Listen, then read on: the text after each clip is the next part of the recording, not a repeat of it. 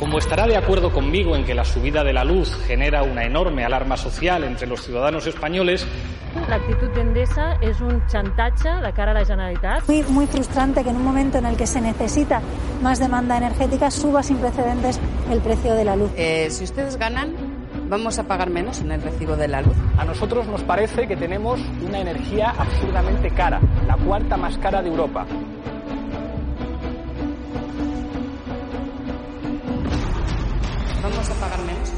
De la luz. Què tal, com esteu? Benvinguts al Cultura Política. Ja estem una altra vegada aquí a l'estudi de Cultura FM, programa 109 d'aquesta temporada. Avui tenim mm, dos temes ben interessants per parlar, sobretot la darrera hora sobre les eleccions del 14F, que eh, eren pel 30 de maig, ara pel 14F, demà no sabrem quin dia seran, però, però de tot això en parlarem també avui. I dos debats, com dèiem, molt interessants, habitatge social a la ciutat de Barcelona i arreu de Catalunya, i també parlarem sobre eh, la factura de la llum, el rebut de la llum que eh, augmenta eh, un tant per cent. És un abús o és coherència política? En parlarem aquí al Cultura Política. Avui comencem.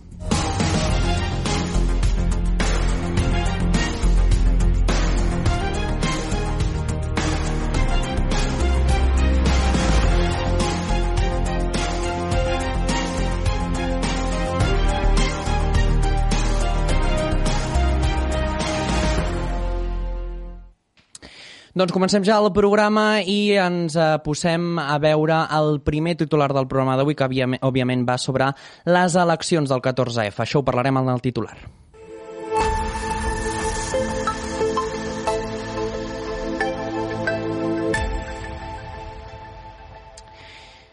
Doncs eh, ara a continuació veurem a la pantalla el titular d'avui sobre aquest eh, que tornarem a tenir eleccions, que tornarem a... que es mantenen aquestes eleccions del 14F.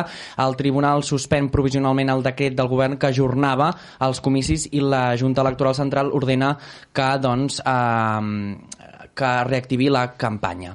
Uh, Ricardo Martín, això ho parlarem amb Ricardo Martínez de Barça... Mar...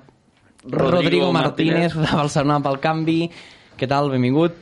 Molt, molt bona tarda.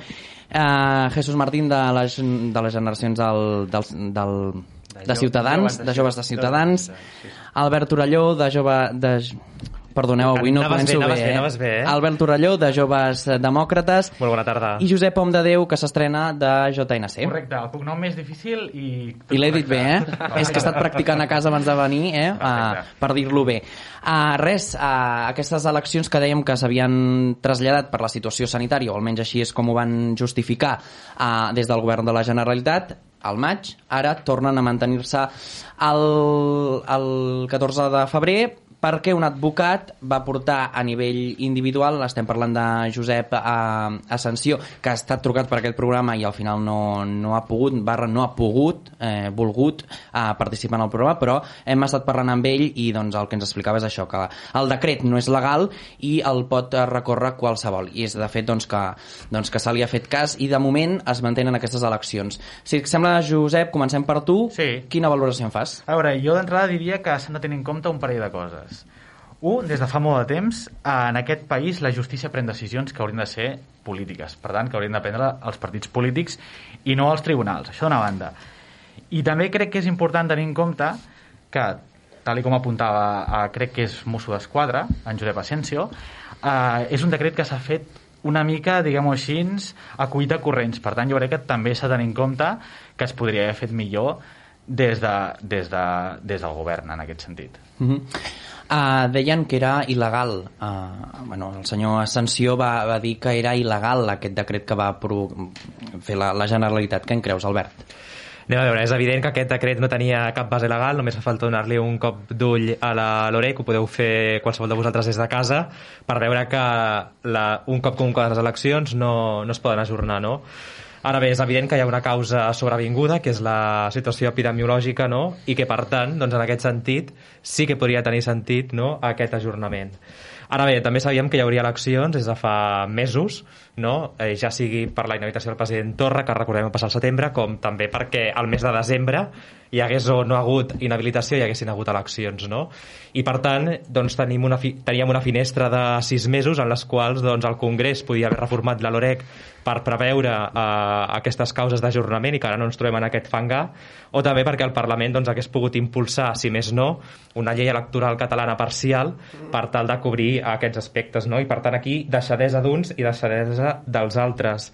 Uh, recordem també que al 14F ens trobarem amb 90.000 persones que hauran d'estar 8 hores tancades en un local electoral sense tenir en compte apoderats interventors, eh, representants de l'administració, eh, funcionaris de correus, notaris, gent que participa als escrutinis... Sí, però més enllà de la gent que, doncs, que, Que és el motor de les al risc, eleccions, sobretot aquestes uh, persones que estan cridades a les urnes. Uh, els experts ho deien, uh, la setmana passada ho parlaven en aquest, pro, en aquest mateix programa, que no era segur fer aquestes eleccions, que no era segur tornar a aquestes eleccions i ara ens aixequem a- aquest matí amb que sí que es Bé, el risc és relatiu en funció del col·lectiu, el que també un, altre- un altre tema que hi ha és què passa amb les persones que són positives per Covid o bé han de guardar una quarantena obligatòria i això és un tema que tampoc ningú ha donat resposta i que entenc que també requeriria ref- reformes legals, sobretot en termes de la LOREC, que tampoc hi, hi ha estat, no? I per tant, doncs, aquí sí que la Generalitat té raó en dir que passés el que passés, doncs hi hauria persones que no tindrien garantit aquest, aquest dret a vot i que això ens hauria de fer pensar a tots. Jesús Martín, veia que no estaves gaire d'acord amb el que deia el, el Josep. Sí, buenas tardes, gracias por la invitación en primer lugar. Yo desde Ciudadanos lo que sí querría decir es que nosotros respetamos como siempre, y no puede ser de otra manera, todas las resoluciones judiciales, nos gusten más a unos partidos políticos o nos gusten menos.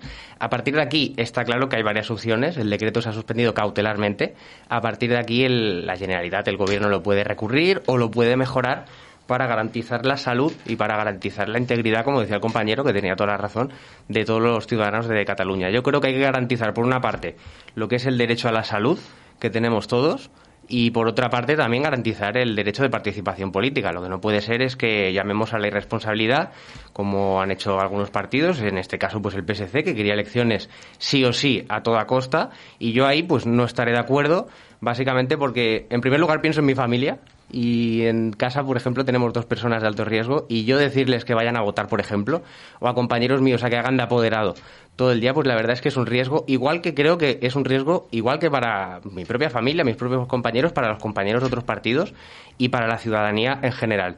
Creo que hay que primar el derecho a la salud de todos los ciudadanos, siempre y cuando también se garantice, por supuesto, la participación política y el control parlamentario, como no puede ser de otra manera, al gobierno de, de Cataluña. Ricardo. Rodrigo. Rodrigo. Sí, encara no. A la, a la tercera o la vencida. Disculpa. Eh, bueno, no, primer de tot, eh, crec que estem castigant molt a la justícia. És a dir, la justícia és, és un dels poders eh, que tenim i, i la justícia és una barrera que, que fa de, de mur de contenció contra els abusos de, de, que poden cometre els governants i els altres poders. No? Llavors, en, en primer lloc, no hem de veure una decisió judicial com una cosa dolenta. No? Eh, la justícia està precisament per això. Eh, és, és aquesta la, la, la seva utilitat. Clar, tenim un, un govern que està pensant en, en termes electorals no? i fa un, un decret que és un autèntic desastre.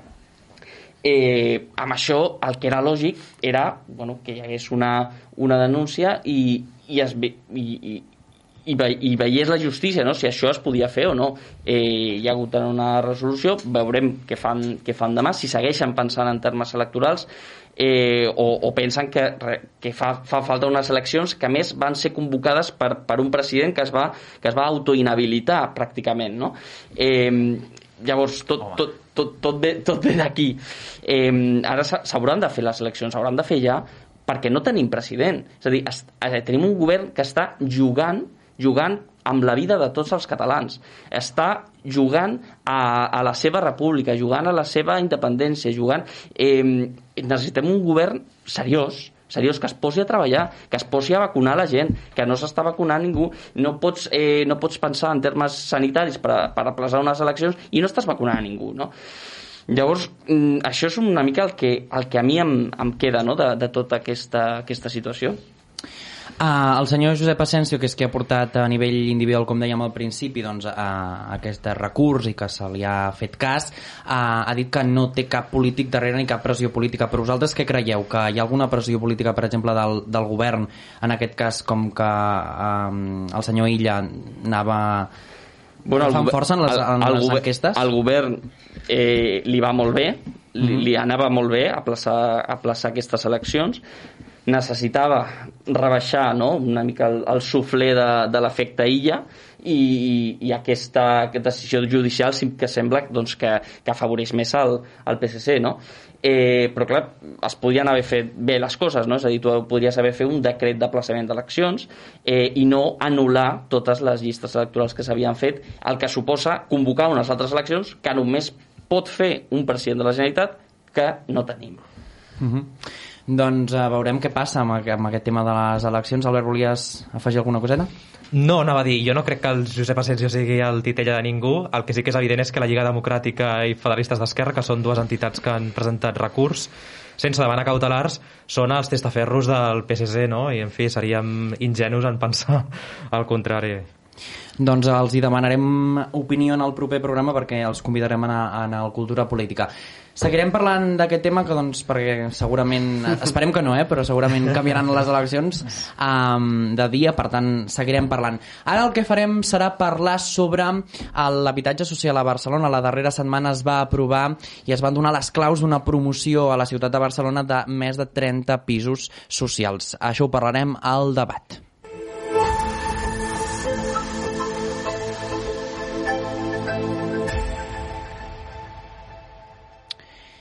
Dia abans de tot que ha estat convidat a la regidora d'Habitatge de l'Ajuntament de Barcelona, però per temes de disponibilitat no ha pogut estar amb nosaltres. Com dèiem, la setmana passada es va aprovar mmm, doncs més d'una trentena de... Bueno, es van lliurar no, les claus de més d'una trentena de pisos eh, d'habitatges socials, no? d'habitatges socials. Rodrigo Martínez, a Barcelona pel Canvi, està a l'Ajuntament de Barcelona.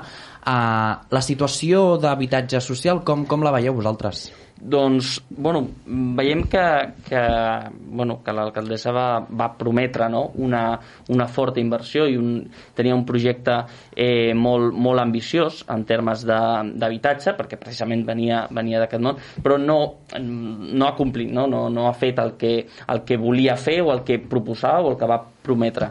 Eh, S'ha quedat molt a, a, mig, a mig camí. Llavors, ara sí que sembla no, que s'està posant les piles i comencen a, a fer coses. No? Nosaltres no hem, no hem deixat de, de, de proposar solucions per per al, per al que necessita Barcelona, que és augmentar l'oferta. No? Però hi ha com cert, eh, cert viatge ideològic no? en, aquest en aquest Ajuntament i sembla que qualsevol cosa que, que tingui relació amb, amb el que seria el sector privat doncs mm, no es vol treballar. Llavors, eh, necessitem per, per, per solucionar aquest problema, que és un gran problema de la ciutat, el que necessitem és la col·laboració de tots els agents econòmics. Necessitem la col·laboració de l'Ajuntament, necessitem la col·laboració d'entitats eh, immobiliàries privades, necessitem també els eh, eh, la col·laboració dels propietaris privats, eh, individuals, els petits propietaris, parlo. Eh, nece eh, bueno, necessitem que tots ens posem d'acord i necessitem sobretot un ajuntament que que sigui una mica més obert no? a, a, a propostes eh, que, bueno, que incloguin tot, tots aquests agents. Eh, nosaltres ja dic, hem, hem, vam proposar i es va acceptar doncs, bueno, el fet de, de, que el, de que les oficines de l'Ajuntament deixessin espai eh, per, eh, en edificis habitatge, de, eh, habitables per per passar doncs, a locals comercials al carrer, no? Era una solució, això es va acceptar, encara, bueno, estem veient si, si es fa o no es fa, eh, Eh, fa poc vam proposar la construcció d'un habitatge social amb Escola Bressol eh, que solucionava dos problemes de l'hora. El govern de l'Ajuntament s'ha compromès a, a portar a terme aquest, aquest projecte. Veurem com funciona. Eh, bueno, mm, es, es va treballant. El problema és que no es fan les coses i es necessita, des, des de que va arribar eh, des de que va arribar a de Colau, a l'Ajuntament, eh, eh, eh, no, no, no ha crescut l'oferta, ha baixat. Això ha, ha fet augmentar el, els preus de, del lloguer, els preus dels pisos. Eh, s'ha de canviar el model, s'ha de canviar el model i sobretot hem de tenir en compte totes les parts implicades en, en aquest tema. Uh -huh. Um, Jesús, des de Ciutadans. Bueno, nosotros creemos eh, sobre el tema de la vivienda en, Barcelona, en primer lugar, que es, un, es una cuestión que al final es un, es un problema que afecta también al área metropolitana. Es decir, las cuestiones y las medidas que se implementen o no en, en Barcelona, como, como gran ciudad de, de Cataluña, pues también afectan al área metropolitana. Y yo que soy de Hospitalet, la verdad es que lo, lo noto y lo, y lo veo, ¿no? Al final, eh, el problema de, de Barcelona no es solo del Ayuntamiento de Barcelona. Creo que la gestión, la mala gestión en este caso de, de Ada Colau, eh, está pasando factura. Y está pasando factura al final porque está implementando, creo, eh, unas políticas que vienen siendo populistas en el sentido de que cuando, como bien decía el compañero, pues de prometer una serie de viviendas, recuerdo, si no recuerdo mal, mal prometió que iba a hacer 8.000 viviendas sociales y acabó la legislatura y al final acabó entregando 800. Es decir, la- las consecuencias del populismo es prometer mucho, no hacer y encima gestionar mal los recursos que ya tienes. Y en este sentido, pues yo creo que además de la- de- de- del Ayuntamiento de, de Barcelona, que también tiene muchas competencias y un gran presupuesto, también tenemos que responsabilizar o llamar la atención a la Generalitat de Cataluña, porque las competencias en materia de vivienda social las tiene la Generalitat de Cataluña. Y yo quiero recordar aquí que la ley catalana que tenemos de vivienda social en Cataluña, que la podemos implementar porque la Generalitat nadie le impide eh, invertir los recursos necesarios en vivienda social, no lo está haciendo y no la está cumpliendo la propia ley que tenemos los catalanes, que dice que el 15% del parque público de vivienda tiene que ser destinado a alquiler social. Y actualmente no llegamos ni al 2. Y entonces se junta, por un lado, el populismo y la mala gestión de la señora Ada Colau aquí en, en Barcelona, también con el populismo y la mala gestión del gobierno de la Generalitat de Cataluña, que no prioriza las cuestiones sociales, en, en este caso la inversión en vivienda social, como sí debería hacer y puede hacerlo eh, sobradamente, pero no lo hace. Albert, si estiguessis tu a la posició d'Ada Colau, què faries en aquest, en aquest tema, en aquest àmbit dels habitatges socials? Seguiries la gestió de- d'Ada Colau en aquest cas? Sí, a veure, Ada Colau no és exemple de res i encara menys en polítiques d'habitatge, no? encara que sigui la seva bandera. Uh, està molt bé, no?, aquestes 35 vivendes, eh, aquests 35 habitatges, és sens dubte un pas endavant, però és insuficient, és una, és una estrella en la immensitat de la galàxia. És a dir, a Barcelona hi ha més d'un milió, el parc d'habitatges consta de més d'un milió de pisos. Posar-ne 35 de lloguer, de lloguer social a mi em sembla una broma de mal gust. I a més a més vendre-ho com un èxit, doncs encara pitjor. I hi ha moltes coses que pot fer l'Ajuntament de Barcelona, i ara també parlaré de la Generalitat, eh? Tenim un pla general metropolità, que és que qui regula els usos del sol, que és del 1977. Eh, la ciutat ha canviat molt des de llavors. Potser seria hora elaborar-ne un de nou, no? També el que hauria de fer la senyora Colau és flexibilitzar els usos urbanístics del sol. És a dir, no pot ser que per construir una nova promoció d'habitatge i destinar-la a lloguer social haguem de passar per un laberint burocràtic eh, interminable, interminable, i que llavors no hi hagi promotors que posin diners i, per fer això, no? Un altre tema és que hem de mirar l'habitatge en clau metropolitana. Barcelona no està sola, eh, Hospitalet no està sol, és tota una xarxa i per tant hem de tenir aquesta mentalitat, no? Habitatge en clau, en clau metropolitana i això també ens porta a parlar del transport públic, és a dir, un bon habitatge en clau metropolitana i un bon transport públic en clau metropolitana ens fa doncs, que viure a Barcelona sigui més fàcil, més barat i més agradable, no? Sobre la Generalitat, sí, és cert, la gestió de l'habitatge de la Generalitat és, la, és lamentable i ho hem de seguir dient. Ara bé, també hi ha un tema pressupostari, és a dir, el, el pressupost de la Generalitat és, fi, és finit i la capacitat, inclús també et diré ja jurídica, també és limitada perquè també les, malgrat que les competències en habitatge social estiguin cedides, hi ha tot un tema de- d'habitatge que, no està, que no està cedit. I aquí també fa, hi ha un tema molt important d'accés a l'habitatge, que és la seguretat jurídica. Lleis com la regulació del preu del lloguer allunyen els petits propietaris a posar el seu pis en règim de lloguer. Uh, lleis com etc etc. no? i per tant aquí també hem de pensar és a dir, que la regió d'habitatge de l'Ajuntament de Barcelona uh, cridi a parar un desnonament per molt lamentat, per molt trista que sigui aquesta situació afecta la seguretat jurídica perquè el que hauria de fer la regió d'habitatge no és anar a cridar a parar un desnonament sinó proporcionar una alternativa habitacional a aquestes famílies que es quedaran sense pis. Perquè al final aquestes famílies no viuran de la protesta que organitzarà la regió de l'habitatge i per tant doncs, també menys solucions i menys proclames no? perquè és el que, és el que necessitem. El 70%, segons informa a través del seu perfil d'Instagram la doncs Ada Colau deia que el 70% de les adjudicatàries eren dones d'aquests habitatges socials. Joan, des de JNC quina valoració en feu? Josep, Josep, perdona. Uh, a veure, jo seguiré una mica en la línia del que es comentava aquí, Mhm. i és que eh, a parer de, de la JNC, eh, hi ha dues coses que són molt importants. Una, el parc públic d'habitatge, és a dir, jo crec que tots plegats podem estar molt d'acord que necessitem, en general, un increment brutal i espectacular eh, de parc públic, i no només és cosa de l'Ajuntament, també de la Generalitat, uh -huh. i també l'Estat hi ha de posar calés, no uh -huh. oblidem. I d'altra banda, també, en aquesta idea que apuntava vosaltres, que és la idea de la Gran Barcelona. És a dir, Barcelona no és les fronteres que té.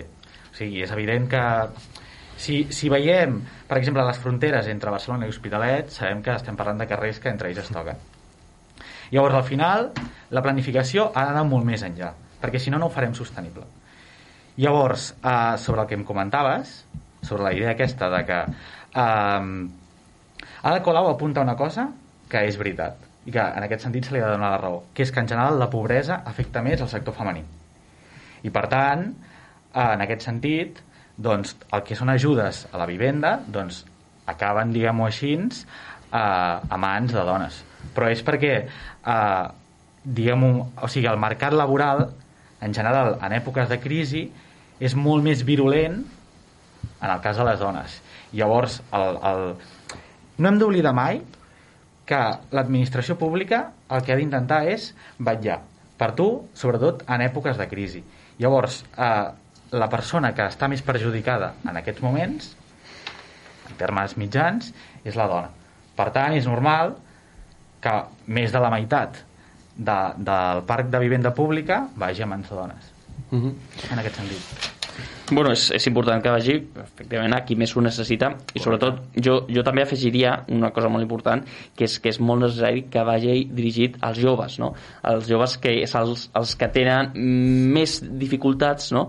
Per sortir mm, de casa, per tenir un, bueno, un treball mm, més, eh, més estable, no? recuperar una mica la, la, la vida o l'estil de vida que han tingut els nostres pares de seguretat laboral, seguretat econòmica, eh, ajudar amb, amb, el, amb el tema de, de l'habitatge, ajudar els joves a, a sortir a casa, a començar una vida eh, fora, eh, independ, independ, independent, eh, això és, és, és primordial. No?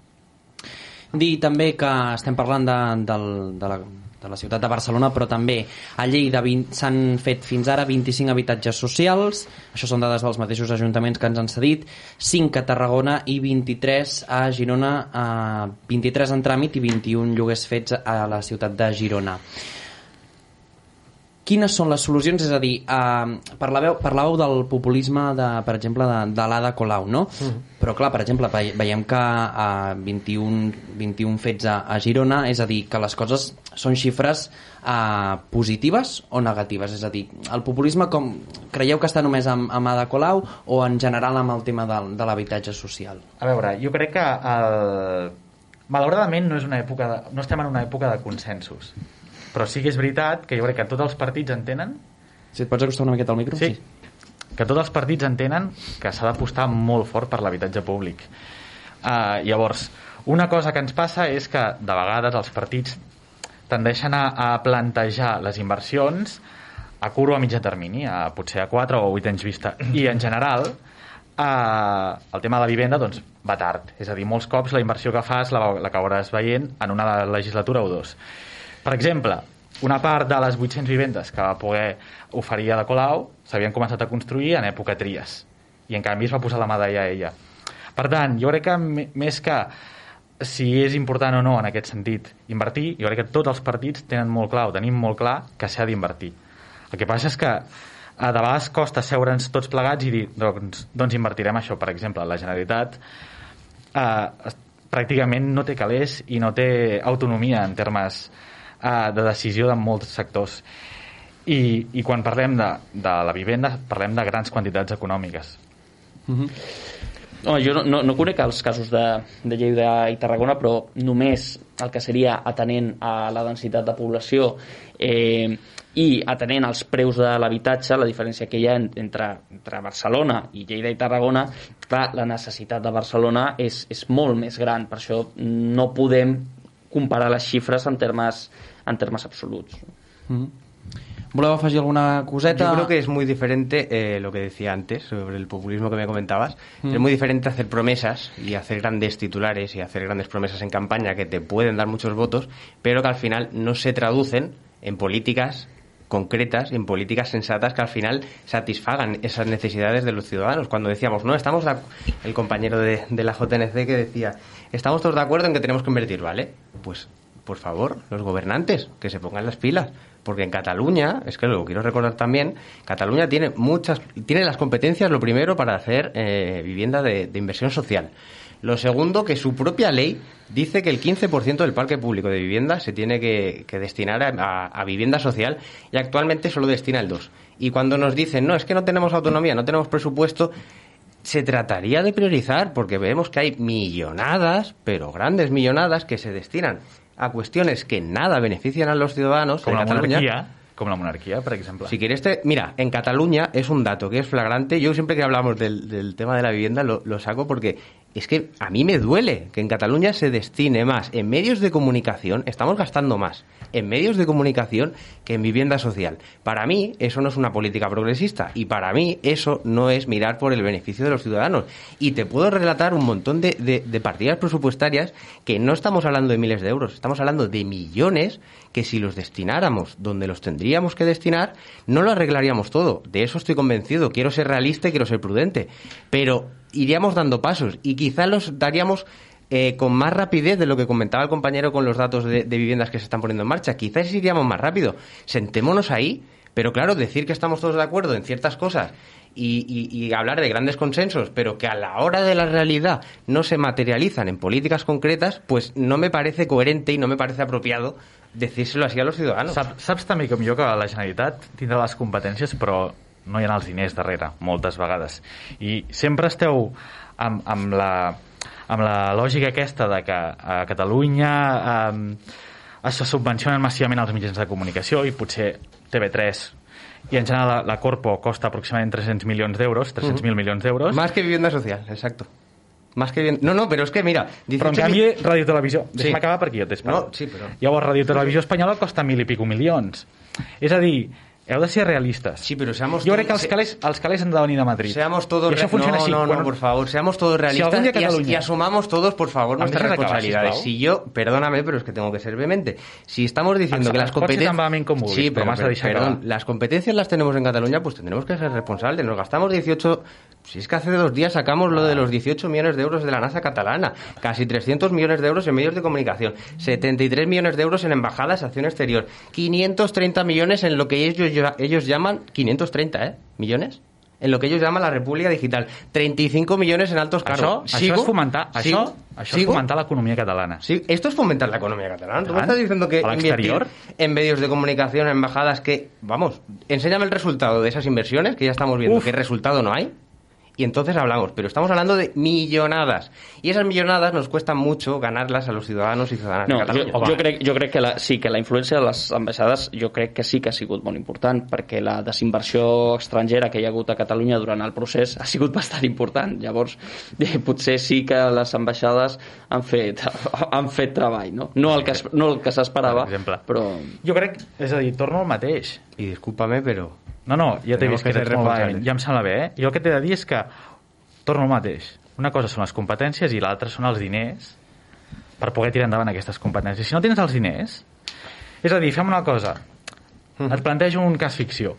Som País Basc, nosaltres recatem els nostres diners. Otro gallo cantaria. Bueno, però és que però ara mateix, malauradament, depenem pràcticament per qualsevol cosa de Madrid. Bueno, es que...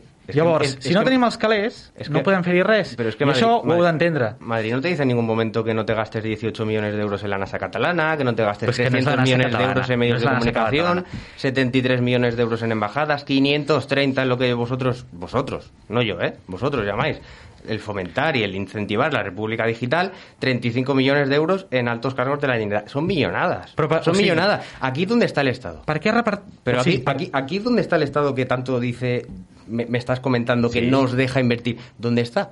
Porque al final es que, de verdad que la balanza es medios de comunicación, vivienda social. Y estamos por debajo. Yo no lo veo coherente y yo no lo veo progresista. Y es posible que tú no estés de acuerdo conmigo. Però jo, esa és la política que jo quiero reivindicar. Vale. Jo et dic, per què repetiu mantres que a part de ser demagògics són falsos? Pues sí, és a dir, associes 18 milions de NASA catalana a fomentar la tecnologia ètica a Catalunya.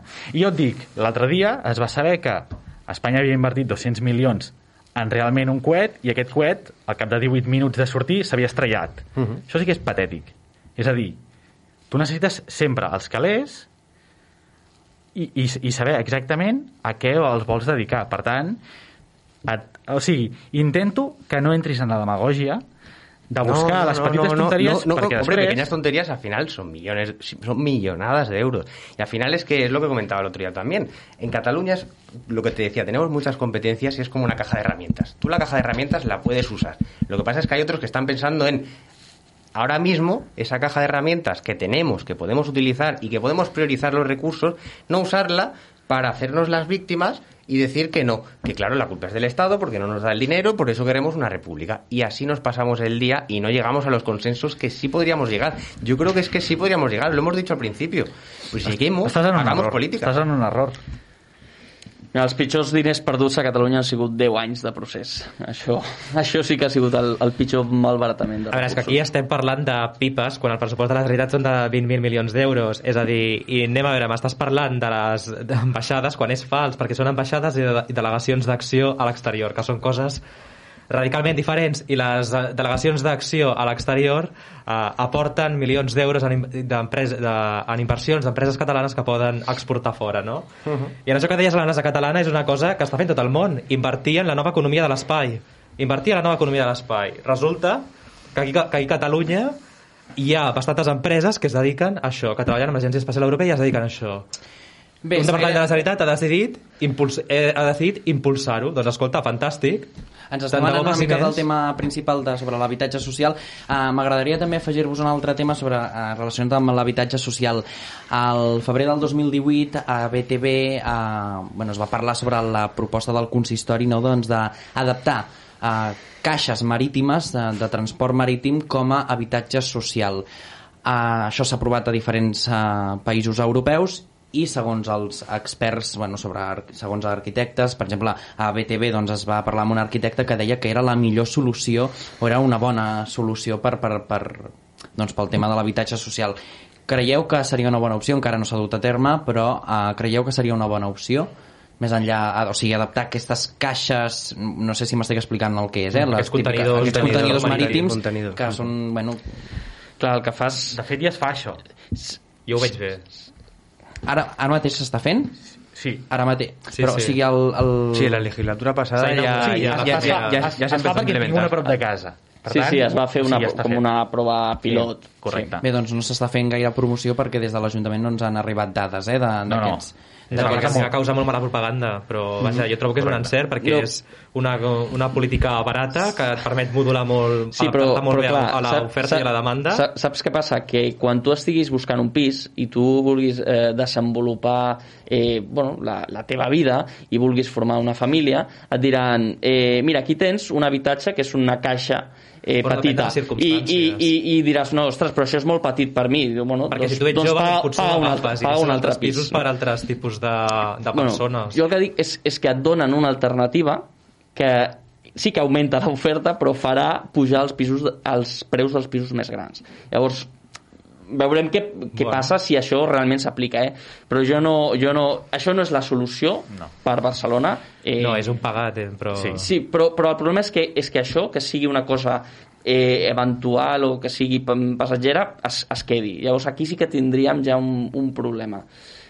De fet, jo crec que és un dels molts experiments de la Colau Mm. a la ciutat de Barcelona. Intentant fer proves i, bueno, I a a veure veure com reaccionen els ciutadans, a veure si els hi sembla bé o si els hi sembla malament.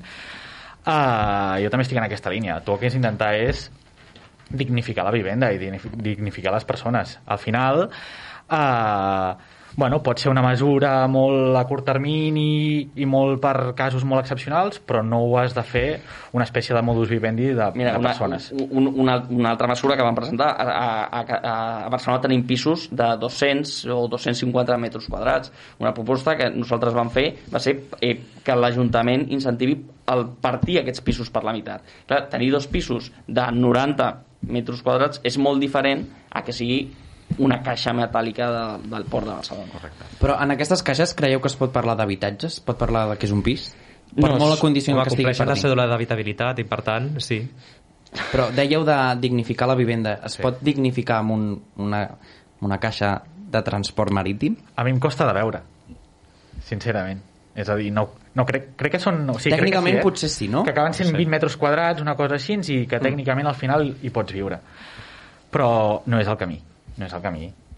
És a dir, tu has d'intentar, com a administració pública, doncs això, Mhm. invertir en, en parc públic que estigui bé. No cal que siguin 100 metres quadrats, però sí que hi hagi un 50, un mínim. Mm. Deia, deia Rodrigo, el problema potser vindria quan eh, d'aquesta idea potser puntual no es faci una idea doncs, de, de modus vivendi, no? Creieu que és el perill que pot haver-hi? És a dir, que, que això es quedi que, Jo- que ha arribat per quedar-se a Jo Barcelona? estic segur que si això s'arriba a implementar d'una manera sèria i l'Ajuntament mm, es posa de veritat a implementar aquesta mesura, eh, es, es, es quedaria, sí, segur. Mm -hmm. Doncs uh, seguirem parlant d'aquest tema perquè l'habitatge social doncs, doncs, doncs afecta cada vegada més famílies eh, i com dèiem el 70% de les adjudicatàries aquí a Barcelona són dones, per tant eh, en seguirem parlant aquí al Cultura Política però canviem de tema perquè doncs uh, encara no podem canviar de tema. Bueno, sí, sí podem canviar de tema. Fem una breu introducció, si us sembla a vosaltres sobre el tema de la, del rebut de la llum que doncs, ha augmentat un, un tant per cent i per tant els ciutadans doncs, ens afectarà doncs, finalment en el, en el rebut de la llum. Ara veurem un, ara veurem un vídeo que, que havíem preparat, però abans, eh, mentre preparem la connexió que, que, estem, que, que tindrem ara en aquest debat, um, doncs, eh, des de Podemos es va dir no, doncs, que tenien un gran compromís per baixar el- el- l'import del el- l'import de, de, doncs, rebut de la llum finalment sembla que no s'ha complert perquè està Pablo Iglesias al govern eh, i no s'ha complert aquesta, aquest, aquesta reducció no? per tant, creieu que s'ha enganyat l'electorat, a la ciutadania? Sí, sí. És a dir, jo... Però jo crec que això és una dinàmica, eh, no sé si diria populista, eh, però segurament és la inèrcia aquesta que, ens, Sí, sí, que, la que ens tenen acostumats els comuns i Podemos Totalment, si, si totalment. diuen una cosa a l'oposició que diuen una cosa a l'oposició i llavors quan governen diuen bueno, clar, resulta que la culpa no és tan nostra i no ens deixen fer o el que sigui home, Bé, Pablo Iglesias va dir aquest diumenge en una entrevista a, a La Sexta que no era que s'havia donat que no era el mateix uh, parlar des de l'oposició que no des, que des del govern, que les coses canvien. Ho va dir ell mateix, eh? Bueno, com a mínim, com a mínim ho ha reconegut i se n'ha donat, que això és Mhm. important. El que passa és que, eh, per exemple, podem veure casos com el de Portugal. El 60 i pico per cent de la factura del rebut de la llum són impostos. Per tant, en aquest cas, claríssimament, eh, no parlem de diverses administracions, parlem del govern central, té la capacitat per baixar fins a un 10% o menys eh, l'impost de, la, de les energètiques, de l'electricitat de la llum, eh, no ho està fent. No ho està fent. Per tant, eh, això està eh, sobre la taula del govern espanyol. Que es posin les piles i que baixin la llum, perquè el que no pot ser és que, precisament, torno a, a la idea inicial, les administracions han de vetllar sempre per quan hi ha moments de crisi, moments circumstancials, això no repercuteixi en, al final en el ciutadà. O sigui, si, si tu precisament quan tens més fred és quan et pugen més la llum, l'administració pública no està funcionant. Per tant, eh, crec que s'haurien de mereixer un càstig a, a, a nivell electoral, però això ja no és cosa meva. Uh -huh. Des de, des de, també des del PSOE es va, es va criticar molt quan Mariano Rajoy estava al govern eh, doncs d'aquests- d'aquestes pujades del rebut de la llum i ben bé tampoc és que ara hagin dit gaire cosa, no? Des del PSOE també us sent... Vosaltres com, des de les organitzacions també, no? Però com a ciutadans us, us sentiu enganyats? Yo diría que engañados, quizá algunos no, porque cuando hay algunos partidos y hay algunos políticos que te prometen el oro y el moro, hablando pronto, eh, te prometen todo, hay muchos que ya desconfiamos de, de primeras y ya sabemos que no lo van a cumplir y que simplemente lo hacen por conseguir votos, que lamentablemente con muchas personas pues los consiguen. Yo como ciudadano lo veo un poco desde fuera y la verdad es que me genera frustración y me genera frustración porque soy ciudadano pero también estoy en política entonces es muy difícil que que, recuperemos esa confianza que necesitamos en la política y en los políticos, porque se puede hacer muy buen trabajo y se pueden hacer muchas cosas por la ciudadanía, si vemos que al final los dirigentes eh, se, se, bueno, se hinchan a hacer grandes promesas que al final, cuando están en la oposición, eh, prometen muchísimas cosas, pero luego cuando llegan al gobierno, lamentablemente no los cumple. La verdad es que los datos de, de pobreza energética son, son flagrantes. Aquí en Cataluña son casi 400.000 catalanes los que tienen dificultades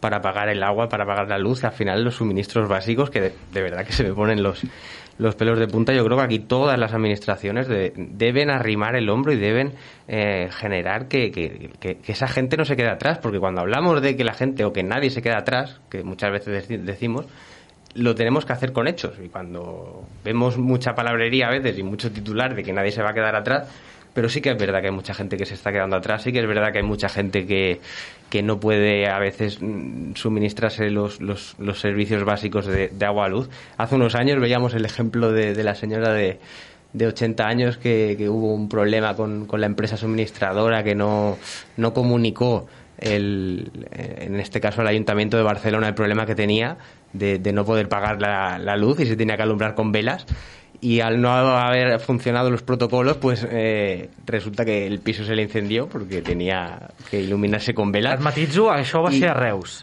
Pero... Sí, bueno, sí, sí, Cataluña, Cataluña he dicho, sí, Correcto. sí. No, pero es lamentable que al final lleguemos a, a, estas situaciones y de verdad pongamos en marcha todos los mecanismos, todas las herramientas. Aquí en Cataluña también aprobamos una ley de pobreza energética que aprobamos por unanimidad, es decir, desde la política podemos decir, eh, pues estamos haciendo nuestro trabajo, pero por favor que los responsables se pongan las pilas, tanto la Generalitat de Cataluña en este caso, como también el gobierno de España, como bien decís aquí, de que en la oposición prometió una cosa y al final cuando llegan al gobierno, lamentablemente, para los ciudadanos, però para, para el prestigio i la credibilitat de la política també que lo cumplen, per favor. Parlaves d'aquest cas d'una dona gran, però també sí. m'agradaria centrar aquest programa va sobre joventut també, no? A, mm. La gent que ens veu també és un públic jove, públic jove que està estudiant en molts dels casos, què els hi diríeu? Perquè, mm, clar, és que molts d'ells eh, s'han de remengar una miqueta per poder pagar aquest rebut de la llum que, que, bueno, doncs que vindrà bastant pujadet, no?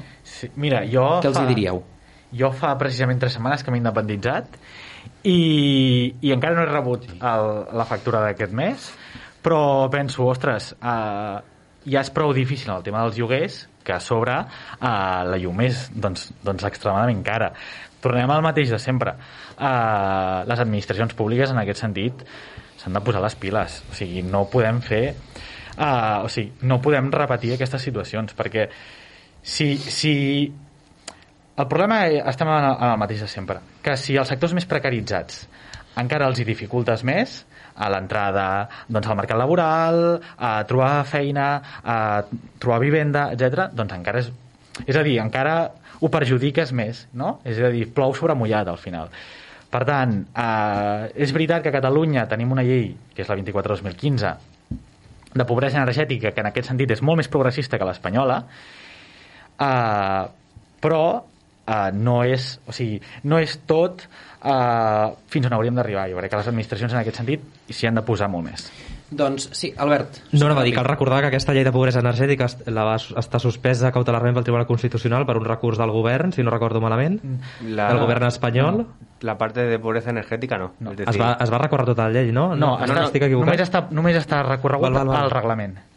Val, val, doncs res, el que sí que anava a dir és que el mercat de la llum espanyol és un dels més cars d'Europa, això és degut a una falta d'intensitat competitiva en el mercat, és a dir, hi ha poques operadores elèctriques al mercat per, bueno, és aquest eh, socialisme d'amiguets que caracteritza a Espanya, no? Recordem que també hi ha un dèficit de tarifa de 30.000 milions d'euros, és a dir, tots els consumidors d'energia elèctrica devem en total a les companyies 30.000 milions d'euros, que es van acumulant cada mes, i també aquí cal, cal dir que si bé és, és cert que hi ha una part eh, regulada molt important i que per tant rebaixant aquesta part doncs es rebaixaria la factura de la llum també hi ha altres aspectes on es pot incidir i un d'ells és en la producció, és a dir, utilitzar tecnologies de generació elèctrica més barates perquè el que passa quan hi ha un pic de demanda és que en comptes d'utilitzar aquelles tecnologies més barates hem de fer servir aquelles més cares i que per tant disparen el preu per gigawatt. Però clar, a més a més ens trobem que el combustible per fer anar aquestes centrals de gas principalment també és molt car. I això ha fet doncs, que ara estiguem pagant el preu per, per megawatt, perdó, dit gigawatt, el preu per megawatt molt car. I per tant doncs, aquí hi ha dues coses a fer. Una, incentivar l'autoproducció és a dir, posar plaques solars a tots els terrats perquè tu mateix et puguis consumir la teva llum i a més a més la puguis, puguis vendre l'excedent a, a la xarxa. I l'altra part també és eh, que els, la part de costos regulats recordem que també per exemple inclou una subvenció a les mines de carbó a la factura elèctrica. Doncs, doncs potser això es podria eliminar no?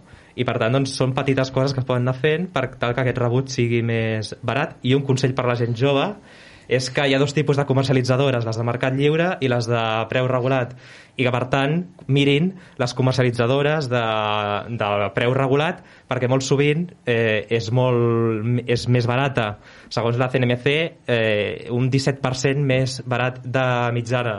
Per tant, a qui ens estigui escoltant, escolteu, comercialitzadores de preu regulat i mireu quan us baixaria el rebut de la llum i canvieu-vos d'operadora perquè Doncs ens quedem amb aquest apunt, el rebut.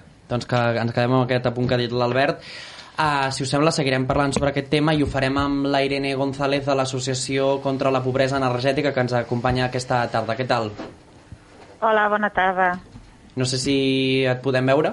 Uh, No, estic al telèfon, finalment. Bé, no, doncs no, no, no et podem veure, ok.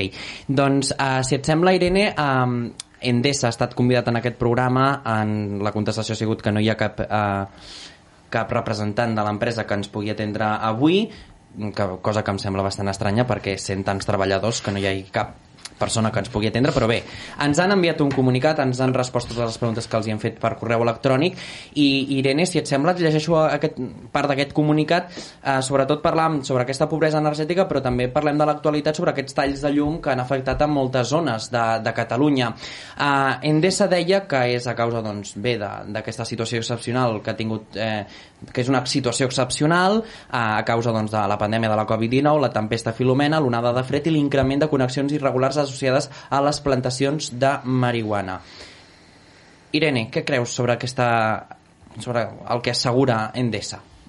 A veure, per parts, no? Eh, eh, per parts. El tema dels, dels talls dels barris. Eh, És cert i és innegable que, que, que s'han detectat eh, cultius de marihuana en aquests barris. El que, el que no és acceptable des del nostre punt de vista és que en aquests barris també hi ha moltíssimes famílies vulnerables que estan pagant les seves factures i que eh, es vegin afectades per els talls de llum massius que estan havent quan eh, tenim una tecnologia suficient per identificar on hi ha els cultius i fer doncs, talls quirúrgics potser adequats o gestionar-ho des de la banda, no?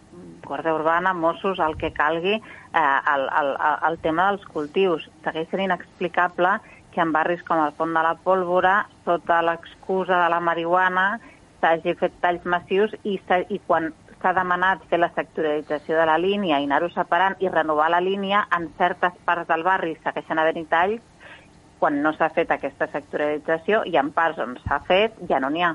Quan jo dubto molt que això no té tanta ingerència amb el tema de, de, de cultius de marihuana i que és estigmatitzar els barris quan en realitat l'obligació de la companyia és donar servei a les famílies que paguen les factures independentment de les activitats il·lícites del seu veí.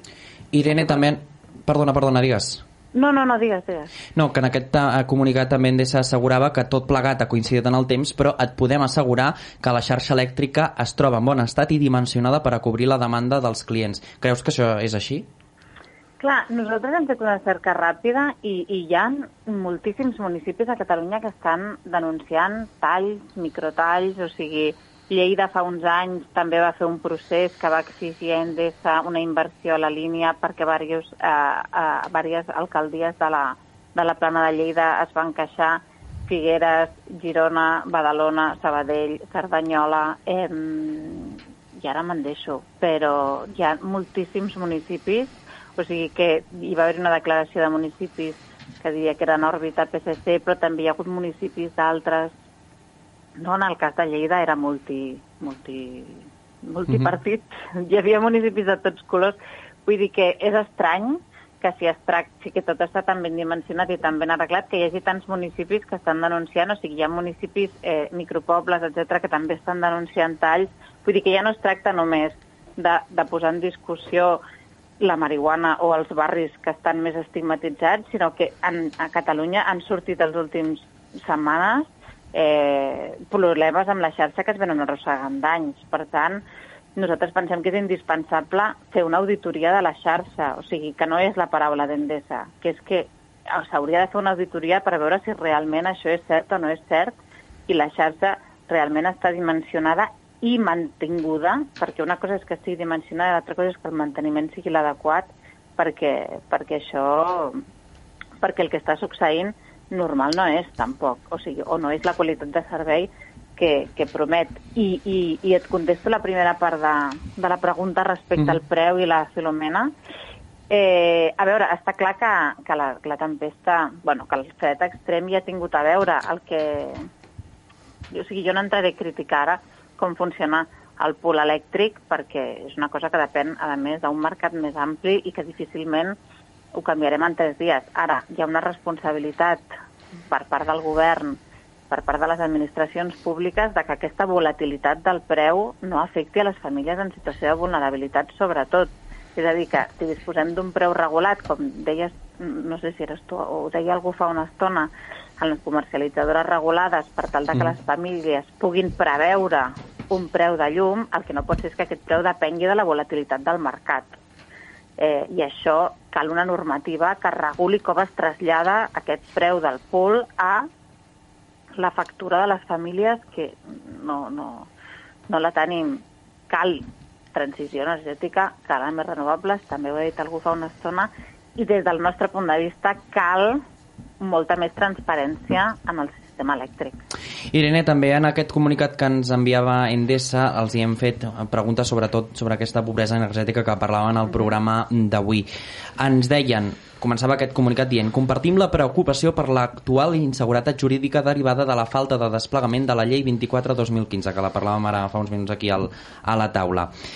Um, creus, ara, ara tu també ho deies, Irene, creus que, que, que el problema ha estat aquest, fiar-se molt de la paraula d'Endesa? De, que jo crec que això de la inseguretat jurídica és una mica... Eh, o sigui, la llei 24-2015, que és una llei que a més és una ILP, que és de les poques que s'han fet, és, eh, ha, surt, o sigui, ha sigut a proposta de les entitats que treballen habitatge, pobresa energètica i que, com deia algú, és la part d'habitatge la que està suspesa. Aquesta llei és meridiana, o sigui, és molt clara eh, i es va aprovar per unanimitat perquè tots els partits de l'art política en aquell moment van pensar que era adequada. O sigui, és quan Endesa va tallar, la família ha d'investigar si la família és o no vulnerable i si no és vulnerable aplica el silenci positiu i Endesa ha de preguntar, o sigui, ha d'anar més enllà i veure si aquella família és vulnerable o no abans de poder tallar el servei.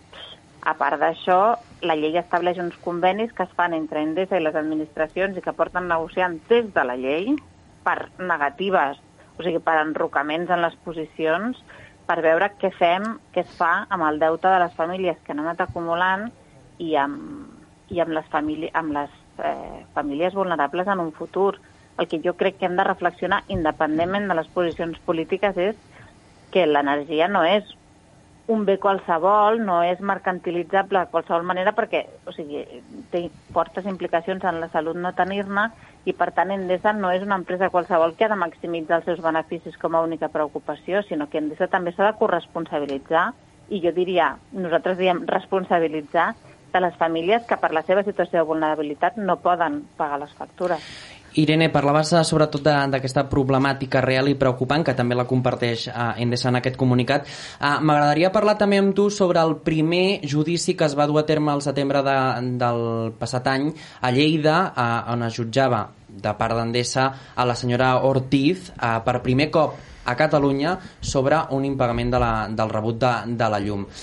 De, er, Endesa diu que és un, una problemàtica social i re, real i preocupant però clar, és que ara mateix no hi ha cap llei que pugui doncs, doncs, doncs regular això, no? No, però hi ha, hi ha una qüestió aquí I vosaltres des de la vostra associació ah, també, deixa'm, deixa'm, deixa'm Sí, sí. afegir això, uh, des de la vostra associació dèieu i asseguràveu que era un xantatge clar d'Endesa cap a la Generalitat dins uh, d'aquestes negociacions, no? Bueno, nosaltres hem dit això perquè la Dolors porta des del, té un deute acumulat des del 2015, que Mhm. no sé si passa una mica o arriba als 3, està al voltant de 3.000 euros, i la Dolors no cobra, cobra molt menys del salari mínim, perquè no, no... I per tant és inembargable, o sigui, Endesa no pot recuperar aquests 3.000 euros.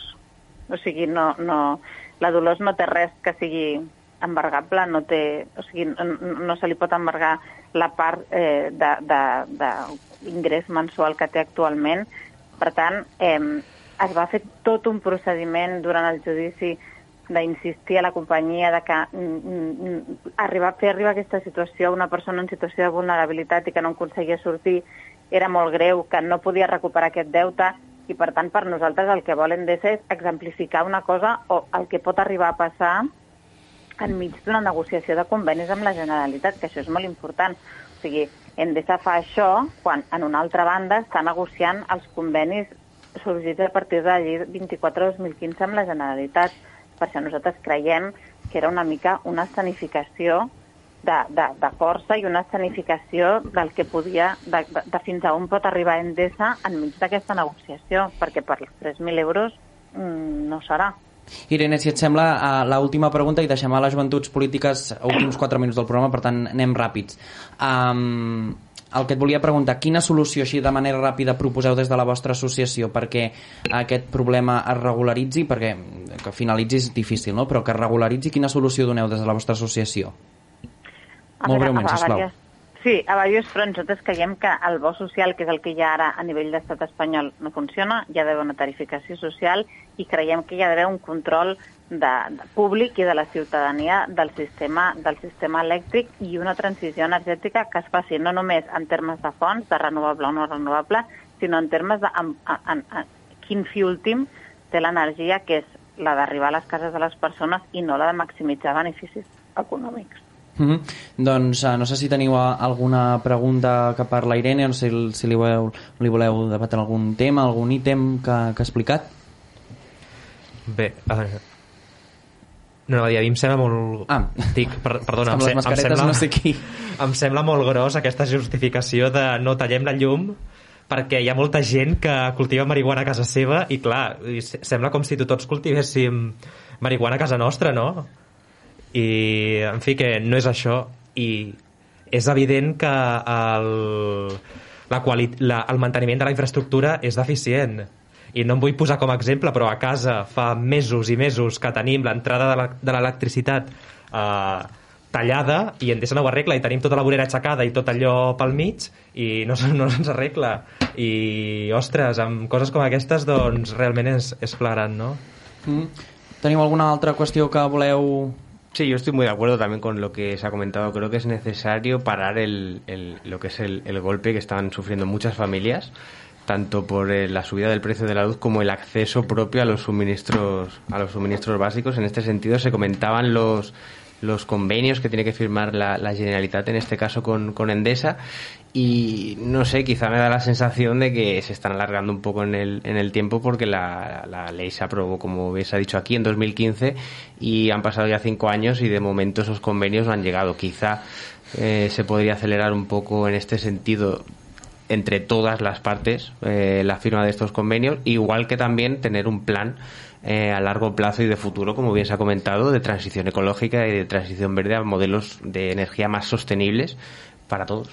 Doncs moltíssimes gràcies a tots quatre, també a la Irene que està encara al telèfon. Gràcies per estar avui amb nosaltres. Des de vosaltres. Una abraçada. I nosaltres acabem ja aquí el programa, el Cultura Política. Tornem dimarts vinent aquí a Cultura FM. Gràcies a tots.